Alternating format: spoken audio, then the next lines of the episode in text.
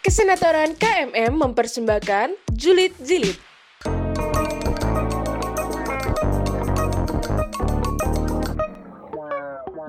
Psst. Waktunya julid, julid, julid. Mas, Mbak, perhatiin langkahnya. Langsung aja. Kalau gitu langsung aja ya ke pertanyaan pertama nih Biar cepet juga mungkin biar masuk ke 30 menit 40 menit podcast Pertanyaan pertama Apa kesibukan kakak sebelum mencalonkan diri? sebelum mencalonkan diri ya? Aku sebetulnya tuh sekarang eh, sebenarnya bukan sebelumnya kali ya masih gitu. Aku join kabinet gitu. Di kabinet aku jadi menteri di Kemenkom Sospol nama kementeriannya tuh eh, Kementerian Pengembangan Infrastruktur Kajian. Jadi semacam intra kampusnya Sospol gitu. Jadi kabinet sama paling di himpunan tapi di himpunan anggota biasa aja sih Pertanyaan selanjutnya, kenapa sih kayak mau gitu jadi untuk menjadi calon MUAWM ITB selanjutnya gitu? Kenapa nggak lanjut di kementerian aja, eh di kabinet aja gitu? oke oke jadi sebenarnya ini agak panjang nih jadinya ceritanya nggak apa-apa kali ya apa-apa, nggak apa-apa. kalau misalkan bilang terkait kenapa akhirnya aku mau gitu, kenapa akhirnya nggak di kabinet itu tuh flashback gitu ke zaman TPB. Oh teman-teman tahu nggak kalau aku tuh ITB Cirebon? Oh, belum tahu. Nah, aku tuh ITB Cirebon. Jadi eh, angkatan pertama 16 ITB Cirebon itu masuk nih aku kan lewat seleksi mandiri. Itu yang habis SBMPTN gitu. Di sana eh, aku kira kan akan baik-baik saja kondisi sebagai mahasiswa ITB gitu. Tapi akhirnya ternyata mendorong ada hal-hal yang mendorong aku dan teman-teman teman-teman aku itu agak kesel sama ITB sebetulnya karena kebijakan yang nggak jelas sebenarnya intinya. Tentang kepindahan pindah jadi pindah kayak gitu gitu loh. Dari dulu bahkan udah dibilangin pindah ya tahun depan kayak gitu. Ternyata nggak jadi juga. Dan itu tuh bukan tentang kepindahan aja di sana tentang praktikumnya. Pokoknya tentang kesejahteraan mahasiswa di sana lah intinya. Nah tapi akhirnya perjuangan si advokasi kebutuhan dasar si mahasiswa ITB Cirebon ini aku dan teman-teman cuma sekedar informal aja gitu. Gimana caranya ngobrol sama orang dan kawan-kawan. Nggak terbersit sedikit pun sih untuk oh ya udah jadi MWM kayak gitu kan. Nah dulu eh, akhirnya aku gabung kabinet tertarik dengan bidang sospol dan cukup eh, apa ya istilahnya? Ya udah eh, coba aja di bidang sospol terus juga di bidang kaderisasi OSKM juga aku kan ikutan ya. Jadi agak mungkin jalurnya agak belok dikit dulu. Eh bekot belok dikit dulu kayak gitu. Ke kabinet dulu yang sebenarnya mungkin nggak terlalu di kabinetnya pun nggak nggak ada bahasan tentang ini ya terkait kebijakan kampus dan kawan-kawan tapi abis itu aku kepikiran lagi gitu tentang adik-adik aku yang mau pindah. Adik-adikku mau pindah ke Cirebon kan. Terus banyak hal yang ternyata belum pasti juga. Banyak hal yang masih bisa dipertanyakan gitu ke kampus ya. Gimana di sana gimana dosennya dan kawan-kawannya tuh masih belum jelas ternyata. Aku agak tergerak gitu sih sebenarnya. Walaupun aku nggak pindah ya sebenarnya angkatan 16 itu katanya nggak pindah. Tapi ini adik-adik aku kesian nih kayak gitu. Bahkan ada yang nangis-nangis juga kayak gitu. Aku tergerak buat kira-kira apa gitu yang bisa aku lakukan gitu. Setelah nah sebenarnya aku juga deket secara personal dengan MWM sebelum sebelumnya Kak Ana tahu nggak Kak Ana? Pernah denger sih Ah? Kak Ana. Sipil 14 kayak kakak mentor aku di kampus gitu. Dan dia jadi MWM kan. Jadi aku sedikit banyak eh, terpapar lah terkait si MWA MWAan ini gitu. Dan akhirnya oh ya mungkin ini jalur yang tepat. Gitu sih sebenarnya singkatnya. Nah kalau gitu apa sih pengalaman kakak yang dikira cukup untuk menjadi bekal saat terpilih menjadi ketua nanti, terutama untuk membahas, eh, untuk menyelesaikan masalah yang kakak tadi sebutin gitu. Oke. Nah, sebetulnya kalau misalkan modal aku ya berarti lebih ke modal aku Iya. bagaimana nanti bisa menjadi MWA gitu kalau terpilih gitu ya. MWA ITB kalau terpilih. Pertama dari pengalaman kabinet itu sendiri sebetulnya walaupun nggak nyambung, tapi kompetensi yang aku dapat tuh cukup bisa digunakan gitu. Jadi aku jadi eh, intra kampusnya Sospol tuh bukan cuma jadi informan aja, tapi gimana cara diplomasi sama ketua himpunan, gimana cara diplomasi sama kadif kabit kajian dan kawan-kawan supaya kita mau ada pergerakan sospol, kita bergerak bareng-bareng, kajian bareng-bareng itu aku cukup bisa pakai itu modal untuk diplomasi nantinya ke MWA atau enggak mungkin sebagai modal untuk pendekatan ke mahasiswa karena kan MWA wakil mahasiswa gitu ya. Jadi banyak berjejaring juga dari kabinet itu eh, jadi apa ya opportunity aku gitu buat ke depannya bisa mengemban amanah ini kalau misalnya memang terpilih. Terus aku ditakdirkan di ITB Cirebon mungkin itu juga sebuah ini ya kayak anugerah dari Tuhan gitu aku mikirnya akhirnya banyak hal yang bisa aku mengerti gitu terkait multi kampus terutama ya dan kebijakan-kebijakan kampus lainnya karena rasa rasa apa ya rasa ketidaknyamanan terhadap kebijakan kampus yang seperti itu tuh membuat aku jadinya oh iya harus ngerti tentang kebijakan kampus jadi ada dua hal gitu sih kalau misalkan kompetensi aku banyak dapatlah dari kabinet dan terkait eh, ilmu-ilmu tentang kebijakan kampus itu sedikit banyak secara informal aku dapat dengan posisi aku sebagai anak ITB Cirebon gitu sih. Oke, berarti sebenarnya karena jadi anak ITB Cirebon tuh jadi kayak bikin ada motivasi lah Iya, untuk jadi. MWM. Karena juga sebelumnya Kak Ekel kalau nggak salah juga ITB Cirebon ya. Ekel tuh bukan, nah Oh, justru bukan ya? dia tuh sangat memperjuangkan multi kampus gitu. oh, soalnya kemarin tuh dengar-dengar kayak dia ngomongin Cirebon terus kirain tuh anak Cirebon. Tapi emang Ekel concern banget sama Iya multi kampus. Soalnya emang kemarin kita juga sempat sekolah kesenatoran Hmm. yang diadain KMM dan Kak Ekel tuh ngomongnya kayak gitu. Iya. Kayak kayaknya emang sekarang tuh lagi jadi isu yang hangat lah untuk diperbincangkan. Oke. Eh, selanjutnya mau nanya nih Kak, kira-kira kalau misalkan Kakak nggak bisa, maksudnya nggak kalah lah ibaratnya Hmm. sebagai di pemilihan nanti sebagai MWM, kira-kira Kakak bakal mau ngapain gitu? Oke. Sebetulnya kalau aku sendiri, nah sebelum maju itu ya, dulu aku bikin planning dulu kira-kira mau ngapain nih kalau misalkan ya bikin kemungkinan-kemungkinan gitu kan. Dan salah satu kemungkinan yang mungkin sangat terjadi adalah tidak terpilih gitu kan.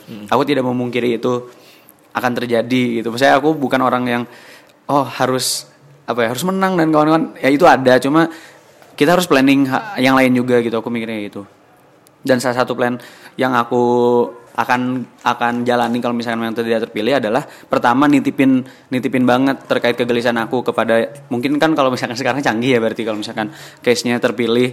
Ya aku aku nitip canggih nih Cang eh, tolong kegelisahan aku terkait MLWM eh, bisa di istilahnya apa ya seenggaknya bisa dipertimbangkan sama canggih dan juga titip multi kampus sebenarnya buat canggih. Karena eh, kalau misalkan konten aku sendiri kan sebenarnya lebih ke substansi fungsinya MWM ya. Sementara isunya sendiri kalau yang aku sangat concern adalah multi kampus sendiri. Jadi paling nitip ke canggih dulu. Nah sisanya sebetulnya aku sih pengennya lulus gitu sebenarnya. Karena udah dua dua eh berapa ya? Dua kali jadi eh, menteri di kabinet tuh cukup melelahkan gitu sebenarnya pertama bukan pertama tuh tadinya bukan menteri wakil menteri yang menterinya kebetulan ada halangan akhirnya dia harus mengundurkan diri jadi aku jadi menteri dan tahun depan jadi men- tahun depannya sekarang kan ya jadi menteri lagi udah cukup apa ya istilahnya aku udah kebanyakan lah kayaknya gitu jadi kalau misalkan untuk lanjut di kemahasiswaan lagi eh, aku tidak tidak ke arah sana gitu jadi kalau misalkan memang tidak terpilih mungkin aku akan melanjutkan kehidupan selanjutnya gitu. Oke. Lulus gitu.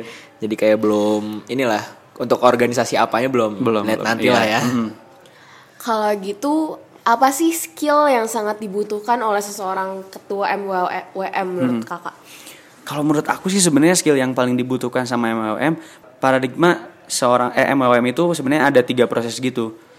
Input, cari aspirasi, terus mengkaji aspirasi, abis itu menyuarakan. Empat dong kak itu. Oh enggak, tiga input, proses, Oh. output ya gitulah. Jadi itu gabung ya? Iya gabung gabung. Si input ini menurut aku kompetensi yang harus bisa eh, harus ada oleh seorang MPM adalah dia bisa apa ya istilahnya eh, mendengarkan, dia harus bisa mencari aspirasi gitu. Jadi maksudnya eh, kalau aku sendiri memahami MPM itu bisa bisa duduk diam mendengarkan atau nyari gitu aktif ke mahasiswa gitu buat nanya-nanya eh, yang mungkin itu mekanismenya teknisnya ada lagi tapi tapi simpelnya kayak eh, nanya pendapat mereka tentang isu kampus gitu. Yang kedua adalah bis- bisa menilai aspirasi. Jadi yang masuk tadi kan udah ada nih aspirasinya. Nah tapi kita nggak nggak mungkin kan cuma ya udah ka- karena mahasiswa A bilangnya eh, begitu kita suarakan begitu juga tapi kan nggak kayak gitu ya ada proses kajiannya juga jadi harus bisa pinter juga nih si MWM-nya itu sendiri habis itu ketika misalkan mendiplomasikan suara mahasiswa ini ke MWA dia harus pinter juga men- menaspirasikannya bukan cuma sekedar keras ngomong aja tapi juga gimana caranya biar si aspirasi ini bisa goals kayak gitu sih ada tiga hal gitu menurut aku Ada tiga hal ya. Jadi kita cari dulu bahannya, Iya, betul. kita proses dan kita harus tahu apa yang udah kita proses itu. Selanjutnya apa sih yang kakak ketahui mengenai, mengenai MWM ITB? Hmm. Kayaknya udah kira-kira udah bener-bener tahu banget belum gitu? Karena kan ya sebelumnya di uh, kabinet. Iya. Sedangkan kalau kacang gitu, wah kita udah kenal lah dia sebagai emang MWM sebelumnya. Iya, betul, betul. Maksudnya pengurus ya, Ah, pengurus ya. tim Karena MWM MWA, cuma iya, satu ya. tim MWM. Oke, silakan. Kalau ya. aku sebetulnya mungkin taunya itu di ranahan MWM ke mahasiswa gitu. Terkait MWM ke MWA itu perlu aku banyak eh, cari tahu lagi gimana dia di MWA dan kawan-kawan karena sejujurnya memang cuma bener tadi kata kamu kan cuma satu ya MWM tuh. Jadi cuma orang itu aja yang tahu gimana urusan dia dengan MWA gitu. Dengan mahasiswanya sendiri aku cukup tahu sih sebetulnya. Karena yang aku tadi ceritain di awal, yang aku tuh sempat banyak ber apa ya bekerja terus dimentorin sama Kak Ana itu. Itu juga dulu aku bantuin Kak Ana juga buat pencalonan dia jadi MWM jadi sedikit sedikit banyak eh, sebenarnya paham sih terkait MWM itu kayak gimana sejauh apa tugasnya dan kawan-kawannya kayak gitu. Jadi lebih ke pengalaman informal aja sih kalau aku tahunya kalau canggih kan dari kerjanya dia ya sebagai tim MWA gitu Pertanyaan selanjutnya, apa sih tugas dan wewenang ketua MWAWM menurut kakak? menurut aku ya Ya. Tugasnya seorang MWM adalah untuk memastikan keterlibatan mahasiswa dalam perumusan kebijakan ITB. Intinya kayak gitu. Gimana caranya kita eh, sebagai mahasiswa itu bisa ikut andil dalam perumusan kebijakan ITB. Tugasnya kayak gitu sebenarnya. Dan di ranahan formal. Kalau misalkan ranahan informal itu biasa siapa aja. Kabinet contohnya kan bisa aja protes ke kampus ten- tentang parkir kampus gitu. Itu kan bisa-bisa aja. Tapi di ranahan formal tuh kita dijamin dari keberadaan MWA WM itu sendiri gitu. Nah, wewenangnya tuh banyak sebenarnya kalau misalkan secara ini ya, formal dokumennya. Cuma intinya menurut aku wewenang MWM adalah menarik aspirasi dan menyuarakannya. Kayak gitu aja sih sebenarnya. aspirasi dan menyuarakannya. Oke. Sebenarnya kalau lagi rapat MWM itu, setahu aku kalau di kayak kemarin tuh rapat rektor, ya kan? Yang pemilihan rektor itu cuma kayak dia cuma dapat suara berapa persen gitu, dan emang itu nggak sama ya. Jadi Iya. kalau menurut aku sendiri sebenarnya kehadiran MWM itu bisa nggak sih sebenarnya ngubah gitu? Karena kalau seandainya berdasarkan pemilihan rektor kemarin itu ya cuma sedikit doang gitu dapat persenannya. Iya iya. Nah, jadi menurut aku eh, untuk kasus pemilihan rektor memang kayak gitu diaturin. Jadi kalau misalkan ada dokumennya itu statuta ITB, dia tuh ada ngatur berapa persen suara si MWAWM ini kalau misalkan dalam pemilihan rektor emang ada yang lebih gede sebenarnya. Yang lainnya kalau nggak salah ya, nanti cek lagi di dokumennya. Kalau nggak salah, yang lainnya itu sama. MWAWM dan eh, anggota-anggota lainnya ada yang porsinya gede. Itu dari kementerian kalau nggak salah ya nanti cek lagi aja. Jadi kalau misalkan memang dalam pimpinan rektor itu diaturnya mau kayak gitu. Nah tapi kalau misalkan dalam kasus lain menurut aku eh, kehadiran MWM ini bisa banget. Kalau misalkan memang kan eh, aku juga bilang ya di di konten aku kalau misalkan kita bisa berdiplomasi MWM itu bisa berdiplomasi dengan eh, anggota MWM yang lain.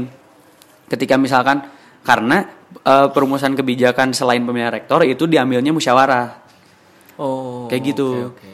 Nah makanya eh, kita tuh nggak bisa sendirian, MLM maksudnya ya, MLM tuh nggak bisa sendirian dalam memperjuangkan suara mahasiswa menurut aku ya. Jadi bagaimana kita membangun kepercayaan terhadap anggota MLM lain supaya eh, kepentingan mahasiswa ini cu- bukan cuma disuarakan oleh mahasiswa, wakil mahasiswa aja, tapi oleh wakil yang lain karena banyak juga kok anggota MLA yang eh, peduli sama mahasiswa gitu. Jadi sebenarnya bisa kalau misalkan memang kita pintar berdiplomasi gitu. Itu dan itu yang aku eh, bawa juga gitu.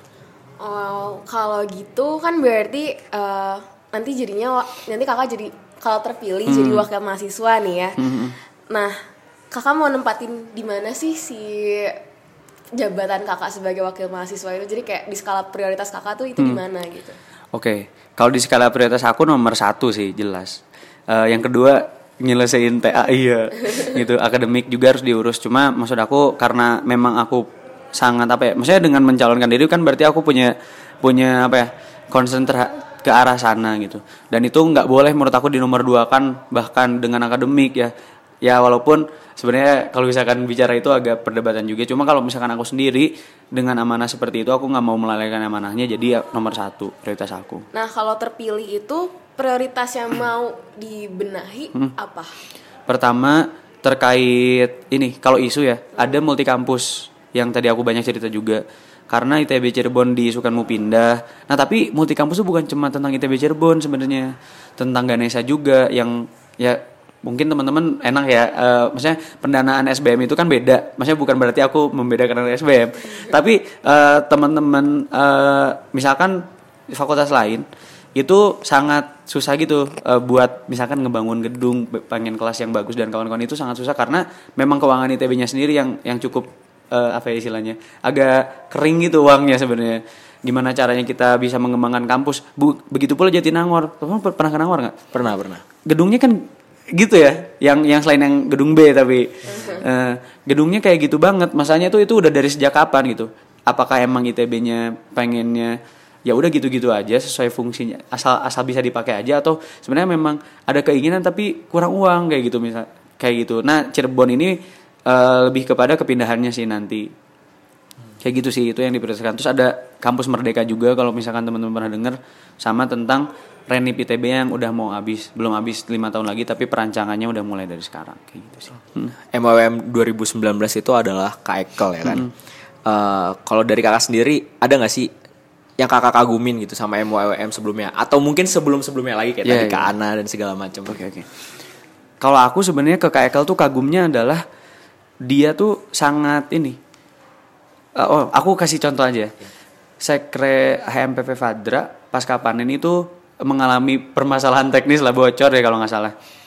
Terus dia em, advokasi ke Direx Nangor. Direx Nangor tuh semacam rektornya Nangor tapi di bawah rektornya nggak goals gitu. Jadi susah gitu. Ini mau dibenerin dan kawan-kawan tuh susah. Akhirnya dengan kehadiran KEKL teman-teman Fadra minta tolong KEKL itu bisa diusahakan gitu. Jadi hal-hal informal yang dikerjakan KEKL tuh berdampak gitu menurut aku. Walaupun mungkin ada kritik terkait pembagian tugas antara kabinet dan MLM tapi menurut aku itu hal yang baik itu. Ketika MLM bisa memperjuangkan juga hal yang di luar formalnya. Habis itu tentang ITB Cirebon tangkap banget. KEKL tangkap banget sama isu multi kampus. Kalau aku, aku tuh sering, Kak ada isu ini, Kak ada isu ini. Dia tuh sering bahas, oke ditanyakan, oke ditanyakan gitu loh. Tanggap banget sama isu multi kampus juga. Nah kalau ke Ana aku salutnya adalah dia kan ini ya tagline-nya tuh proaktif dan bener-bener proaktif gitu. Bahkan forum di Nangor tuh sering banget. Sebulan tuh bisa dua kali. Dan walaupun cuma datang tiga orang dua orang, tetap dijalanin gitu forumnya tetap eh, apa ya konsisten itu kalau ke anak aku ngelihatnya kayak gitu sih Kalau gitu apa sih keharapan kakak di dalam kepengurusan organisasi MWWM ITB selanjutnya? oke kalau harapan aku sebenarnya MLM yang lebih ini apa namanya tuh menjadi eh, teman dekatnya mahasiswa gitu itu yang selalu aku pegang sampai saat ini ya yang aku gelisahkan adalah gimana gimana sih MLM ini sebenarnya se- sebagai haknya mahasiswa untuk mengklaim eh, kebijakan kampus tapi kadang juga mahasiswanya nggak tahu cara memakainya. Bahkan mungkin em, mahasiswanya juga nggak tahu ada ada adanya hak tersebut gitu adanya MLM ini. Jadi makanya pengen kenalan pengen deket sama mahasiswa dan eh, menjangkau aja seluruh elemen mahasiswa. Baik kan MLM cuma nggak cuma ngewakilin S1 ya S2 juga S3 juga. Dan teman-teman di tiap kampus gitu ada Jatinangor Ganesha Cirebon kayak gitu sih Berarti sebenarnya kalau mau jadi MHWM bisa nggak selain S1? Nah itu diaturnya di konsepsi KMITB. Jadi eh, itu pernah ada kasus juga tahun tahun kemarin apa dua tahun lalu ya. Eh di statuta ITB itu dibilangnya pemilihan wakil mahasiswa eh majelis wali amanat wakil mahasiswa diserahkan kepada mahasiswa. Nah tapi masalahnya eh, kemahasiswaan terpusat kita kan KMITB dan di KMITB itu diaturnya cuma S1 aja. Jadi ada bolong gitu, bolong peraturan gitu antara apakah boleh mahasiswa S2 ini mencalonkan diri. Sebenarnya secara peraturan di atas statuta ITB itu ya boleh-boleh aja kan mahasiswa. Tapi di di peraturan kemas eh bukan peraturan, di kemahasiswaan kita tuh nggak teratur gitu, nggak teratur hal tersebut. Yang cuma ya KMITB melingkupi satu S1 ITB kan. Dulu sempat ada kok S2 yang mau nyalon tapi gara-gara hal tersebut jadinya eh, agak diperdebatkan gitu. Sekarang lanjut ke topik yang selanjutnya nih. lagi? Kan tadi kita udah ngebahas tentang diri kakak, tentang ya eh, eh, kepengurusan MWM dan lain-lain. Hmm. Sekarang aku mau nanya tentang SBM menurut kakak nih. Oke. Jadi menurut pandangan kakak, pandangan kakak terhadap SBM itu gimana sih? SBM mahasiswanya atau SBM-nya nih? Eh, SBM dua-duanya secara. Dua-duanya. Iya. Kalau SBM-nya sendiri, aku tuh aku tuh sering eh, berinteraksi sama anak SBM di kerjaan. Kayak misalkan waktu jadi Mamet OSKM ketemunya Dea, Dea. Terus di eh, beberapa kesempatan juga ketemu sama anak-anak SBM kan. Dan menurut aku eh, hal-hal hal yang dipelajari anak SBM tuh sangat bisa diterapkan gitu di kehidupan kita sebagai mahasiswa ya. Banyak hal yang oh iya bisa nih pakai ini gitu oh iya bisa nih pakai tools yang diajarin ini dan kawan-kawan dan itu menurut aku keren banget dan itu bisa apa ya istilahnya? Kan masalah K- KM ITB saat ini kan ada ya gitu ya partisipasi dan kawan-kawan. Dan menurut aku anak SBM bisa banget ikut andil gitu dalam strategi gitu. Gimana caranya biar kemasan kita tuh kalau kata Nanda kan relevan kembali gitu ya. cara-cara cara-cara seperti apa kan teman-teman belajar ya bagaimana apa orientasi ke konsumen dan kawan-kawan gitu.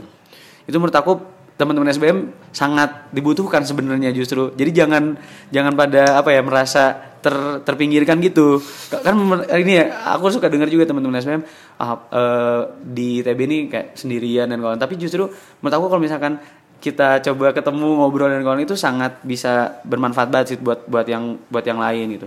Terus buat masuk SBM, nah aku tuh waktu nge apa ngediklat mentor itu banyak deket sama anak SBM justru anak-anak SBM menurut aku seru itu asik banget. Dulu sempat bikin sekolah sendiri buat anak SBM sekolah mentor ya. Sekolah sendiri buat anak SBM dan justru asik gitu. Aku eh, gimana ya mungkin orang-orang selama ini ini aja sih kurang kurang banyak berinteraksi sama anak SBM jadi ngerasanya tuh terpisah aja tapi justru mereka tuh asik-asik banget gitu. Kalian juga asik-asik kok iya. Asik. Ini kayak karena lagi podcast aja nih. Oh, enggak ya. Oke, eh, selanjutnya oh, ini kayak pertanyaan receh nih. Eh udah berapa kali? Pernah nggak sebelumnya kak? Selama dari TPB mungkin sampai sekarang eh ke gedung SBM selain yang sekarang nih. Sebelumnya udah pernah belum?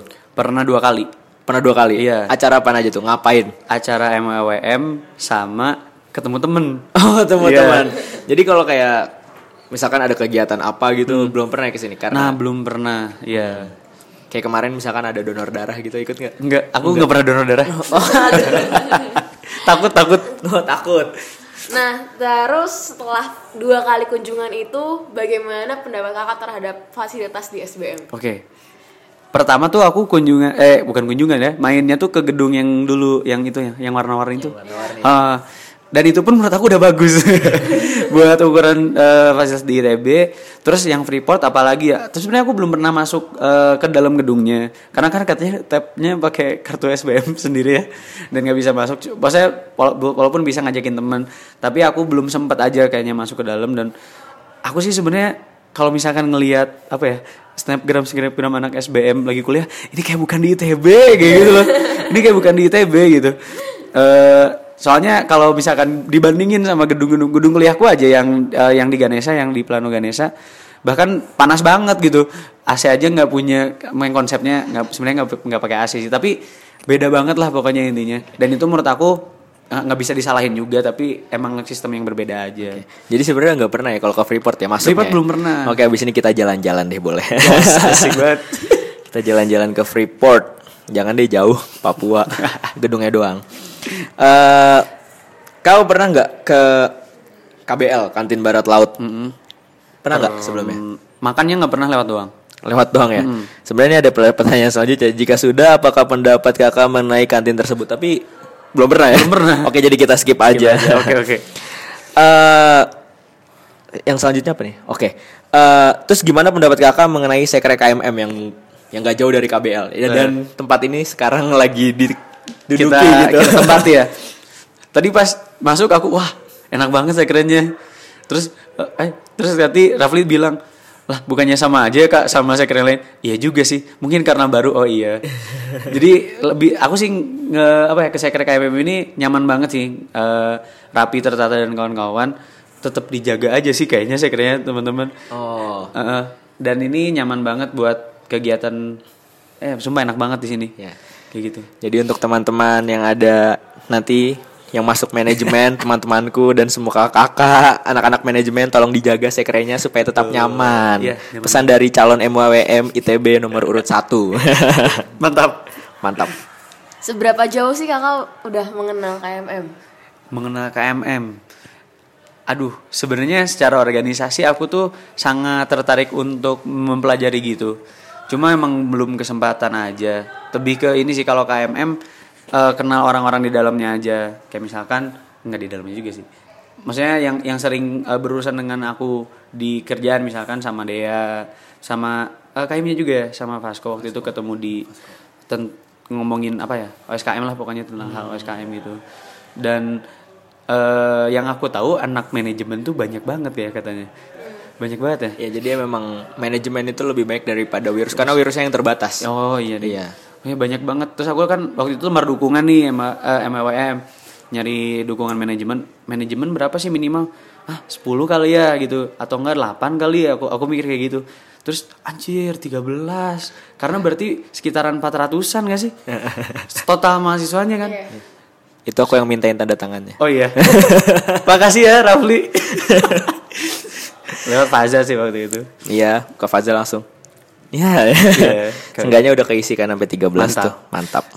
Ya soalnya repot juga kalau seandainya nggak nyampe 13 kan. Iya. Nanti cal- calon tunggal lagi udah kayak gitu Referendum Katanya memang- lagi, iya, nggak ya. bisa kan ya, makanya ya. saya bilang sama teman-teman udah ini harus diisi supaya fair supaya Terima bisa kasih, langsung oke eh, selanjutnya kalau nih misalkan kakak jadi bagian dari KMM gimana cara kakak supaya bisa mendorong anak-anak SBM untuk bisa berkegiatan di program MW- MWM ITB ini sih sharing awareness dulu. Jadi kalau aku diajarin ketika mau mendorong partisipasi itu tuh kita harus tahu dulu apa yang misalkan kita mau ngajakin ngerjain sesuatu.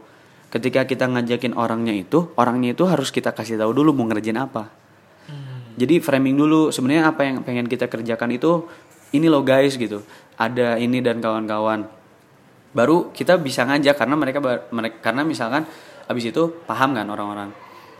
Pertama itu sharing knowledge dulu ke semuanya mungkin ya ke KMM terus habis itu ini lihat social mappingnya di SBM itu eh di KMM ya sorry. Di KMM itu kira-kira kelompok orangnya gimana di mana aja nih ngumpulnya siapa aja dan kawan-kawan. Terus metode pendekatan yang paling cocok itu kayak gimana kira-kira? Mungkin orang ini lebih seneng cerita-cerita di kelas atau mungkin abis kelas atau ada juga orang yang seringnya tuh geng yang sekut makan siang terus habis itu ngobrolin sesuatu gitu misalkan kayak gitu. Misalkan ganti metode oh iya orang ini sering aku kan bikin TikTok ya waktu itu. Kan oh, orang ini seneng TikTok gitu. Ya udah kita kasih TikTok kayak gitu. Jadi lebih ke segmentasi pasarnya itu pas gitu. Jadi misalkan emang orangnya seneng ini ya kita kasihnya ini kayak gitu Oke, karena pertanyaan selanjutnya udah dijawab. Oh iya. Tadi Apa jadi ya jadi tadi tuh rencana kakak untuk Heeh. menarik atau ya menarik minat Heeh. mahasiswa KMM kan udah Oh, terjawab udah, juga. oke, oke. Sekarang apa yang kakak harapkan terhadap mahasiswa SBM dalam keberjalanan MWWM ITB periode kakak? Oke, jadi aku punya planning gini terkait teman-teman SBM. Ada satu hal terkait, oh aku tadi ngomongin kan tentang dana. Eh, jadi ITB itu kan PTNBH, jadi dia tuh semacam apa ya? Kalau misalkan kita umpamain itu perusahaan gitu, perusahaan milik negara yang bisa nyari uang sendiri. Tapi masalahnya sekarang tuh cara nyari uangnya susah. Nah, aku tuh pengen ngajakin teman-teman SBM buat kita bikin apa ya? Kalau kajian ya bisa dibilang kajian, tapi seenggaknya tuh teman-teman SBM kan eh, secara akademik di di apa ya dibekali finance dan kawan-kawan. Aku tuh mikirnya teman-teman SBM tuh bisa ngebantuin ITB gitu loh buat nyari duit. Eh, intinya kayak gitu. Teman-teman SBM ITB bisa bisa kita eh, ajakin ngobrol buat ngasih saran ke ITB. Sebenarnya ITB bisa nyari duit dengan cara ini ini ini gitu. Terus juga gimana caranya penganggaran uang dan kawan-kawan. Nah, ntar ketemu anak TI misalkan sama anak plano buat eh, kalau anak plano kan lebih ke funding si ini ya skema pembiayaannya dengan kawan-kawan. Tapi cara nyari duitnya anak plano nggak ngerti dan bisa nyari teman-teman SBM kayak gitu. Jadi aku mikirnya udah ada potensi kolaborasi sih ke depannya buat teman-teman SBM ini gitu. memang akhir-akhir ini mas mah- akhir-akhir ini kita tuh memang udah harus bisa kolaborasi lah Betul. bahasanya kita udah nggak bisa yang namanya berjalan sendiri itu kayak ya nanti hasilnya nggak akan maksimal karena setiap orang pasti punya kelebihan dan kekurangannya masing-masing Yes. dan setiap jurusan juga pasti punya kelebihan dan kekurangannya masing-masing semoga sukses jika terpilih Amin. Oke, eh, tadi kita udah ngomongin tentang kakak, udah ngomongin juga tentang SBM. Hmm. Eh, selanjutnya kita ngomongin yang apa ya, yang asik-asik lah Oke. gitu. Kayak mungkin merefresh masa lalu gitu Yes. mungkin. Oke, eh, jadi dulu nih kak, Eh. ketika jadi maba kayak kita nih, Hmm. apakah ITB dan jurusan yang kakak ambil itu sesuai dengan yang kakak inginkan? Atau Hmm, sekarang apa yang kakak rasakan? Eh, dulu kan eh, ceritanya aku SNM pengennya tuh stay. Oke. Pilihan duanya FITB, pilihan tiganya adalah aku lupa tapi SBMPTN aku FK. Eh, tapi Agak jauh iya jauh, ya, bukan Kak. agak jauh itu jauh banget. Terus habis itu kan gak keterima juga ya. Habis itu mau masuk ITB lagi kan. Wah, ada seleksi mandiri ITB Cirebon nih. Kita dulu nggak tahu tuh buruk-buruknya ITB Cirebon kan. Ya udah pilih aja. Nah, kan ada tiga jurusan, TI, Kria sama Plano. Kria kan udah nggak mungkin ya. Aku kan tidak tidak inilah tidak berkompetensi di sana. Terus habis itu Plano atau TI nih. Sebenarnya pengennya TI. Walaupun dulu nggak ngerti juga TI ngapain. Wah keren banget nih FTI gitu. Tapi mikir-mikir ah orang kayaknya banyak ke TI deh. Terus habis itu oh ya udahlah milih plano aja. Soalnya cuma cuma satu pilihan doang. Milih plano aja. Eh keterima. Terus ternyata pas dilihat li, dilihat datanya justru yang banyak dipilih tuh plano. Bukan TI jadi ah, gimana ya? Terus dulu nggak tahu apa-apa tentang plano kok. Jadi eh, kalau misalkan ekspektasi di awal nggak sesuai jelas. Tapi sekarang aku aku kan baru ini ya dapat uh, matkul-matkul yang oh iya ternyata plano tuh kayak gini dan menurut aku akhirnya aku menemukan jalanku aja akhirnya di plano dan nggak menyesal kok sekarang gitu Apa sih momen terkonyol kakak waktu di ITB?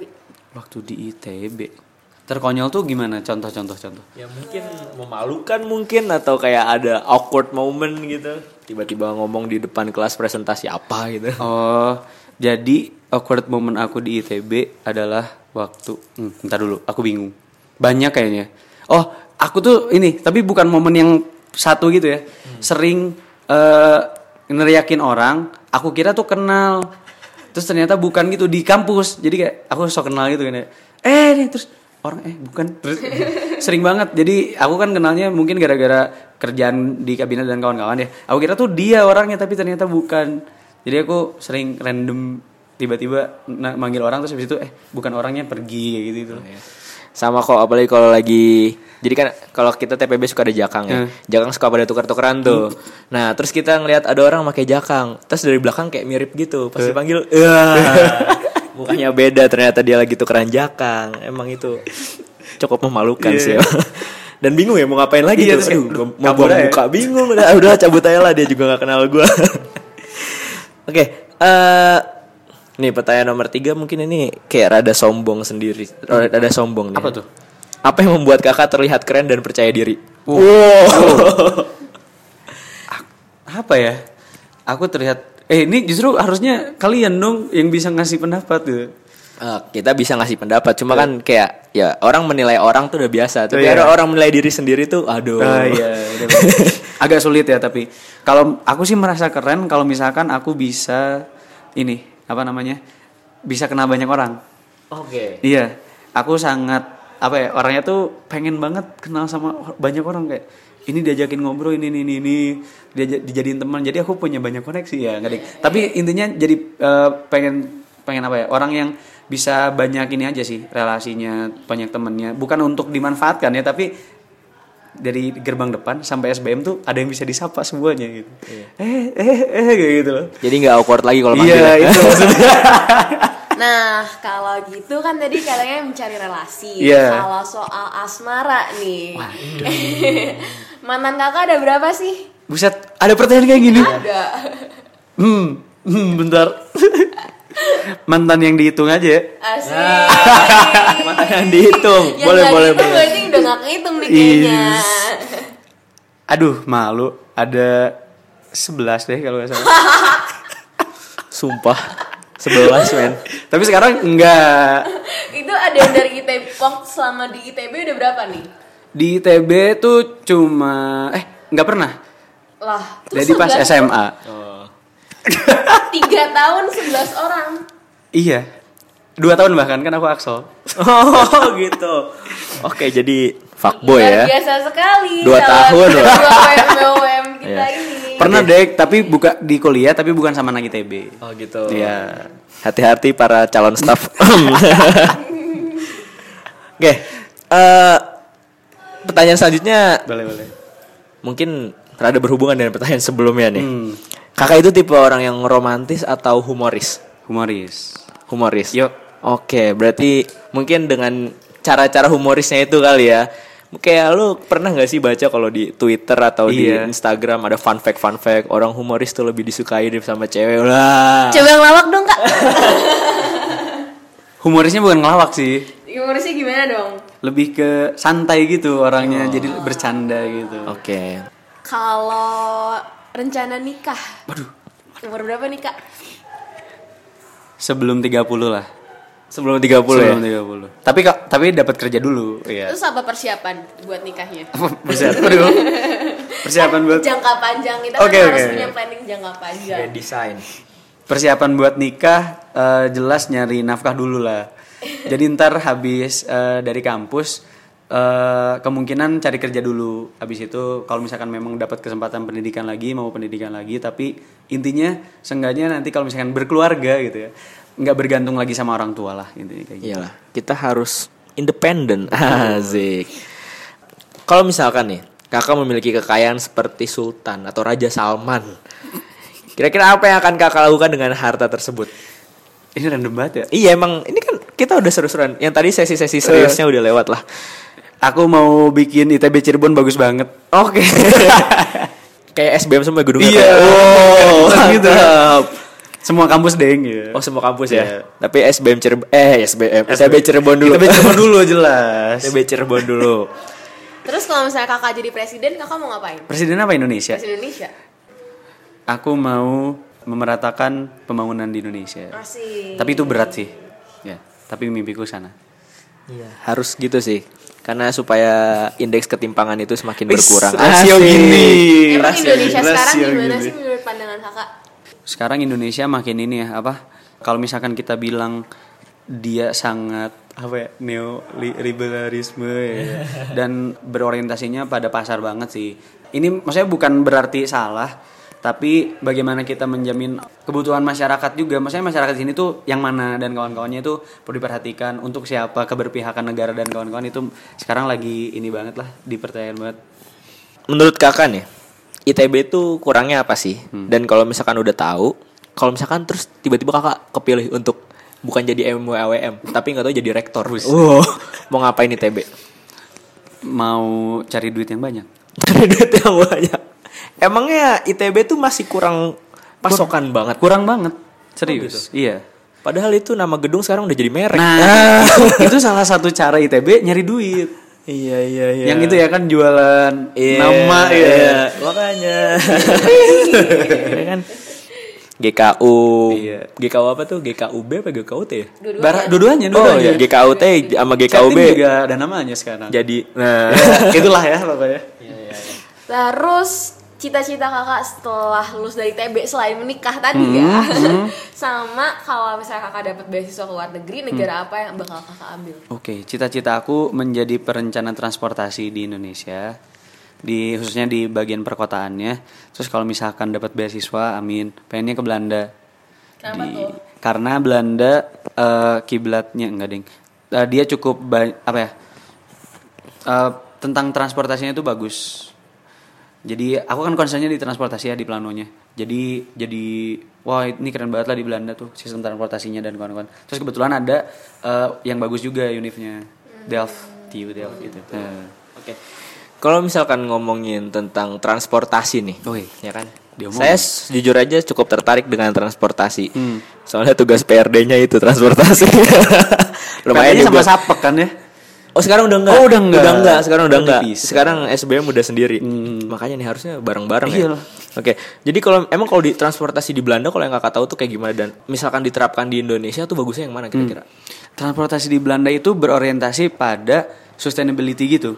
Kalau misalkan kita sekarang lihat banyak motor, mobil pribadi yang berkeliaran di Indonesia, di Belanda tuh justru mengedepankan penggunaan transportasi umum. Dan gimana caranya si transportasi ini tuh bisa dijangkau oleh semua semua elemen masyarakat ya. Terus yang uniknya lagi di Belanda itu justru jarang banget macet karena orang yang tuh pakai pakai transportasi umum. Dan mereka tuh uh, ini mengedepankan konsep sekarang tuh justru agak bikin bikin tol dan kawan-kawan itu udah jelek sebenarnya. Nambah demand dan kawan-kawan mereka tuh men, apa ya, men- menekankan pada sustainability. Jadi kita tuh ditekankan pada non motorized vehicle terus jalan kaki kalau ke mana-mana pakai sepeda gitu-gitu loh. Yang lebih sehat gitu buat baik buat manusianya buat lingkungan juga. Nah sistem transportasi umumnya juga udah mapan. Itu menurut aku sangat bisa diterapkan di Indonesia ya walaupun sekarang masih semerawut sih di Indonesia Bang Adi, terima kasih atas waktunya. Kita udah ngobrol-ngobrol dari tentang diri sendiri, tentang SBM dan tentang fun fact fun fact diri sendirinya sendiri selama di Sampai ITB. mantan ya Sampai ditanya. mantan aja ditanyain. Udah 11 tuh apa kabar coba tuh. Ya Masih kan? kontakan gak tuh? Ada yang masih Iya, ada yang masih. Nanti kalau nikahan kadonya banyak. Oke, Bang Adi, terima kasih atas waktunya. Meng- Semoga sukses di pemilihan nanti, apa pun hasilnya, semoga tetap bisa kolaborasi, siapa pun penangnya tetap bisa kolaborasi. Pada akhirnya juga memang kita butuh kolaborasi itu. Jadi semoga bisa saling kerjasama untuk ITB yang lebih baik.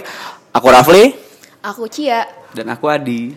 kita semua, kami semua pamit undur diri. Selamat pagi, siang, dan malam. Sore, Oh, Oke, sore. selamat pagi, siang, sore, dan malam.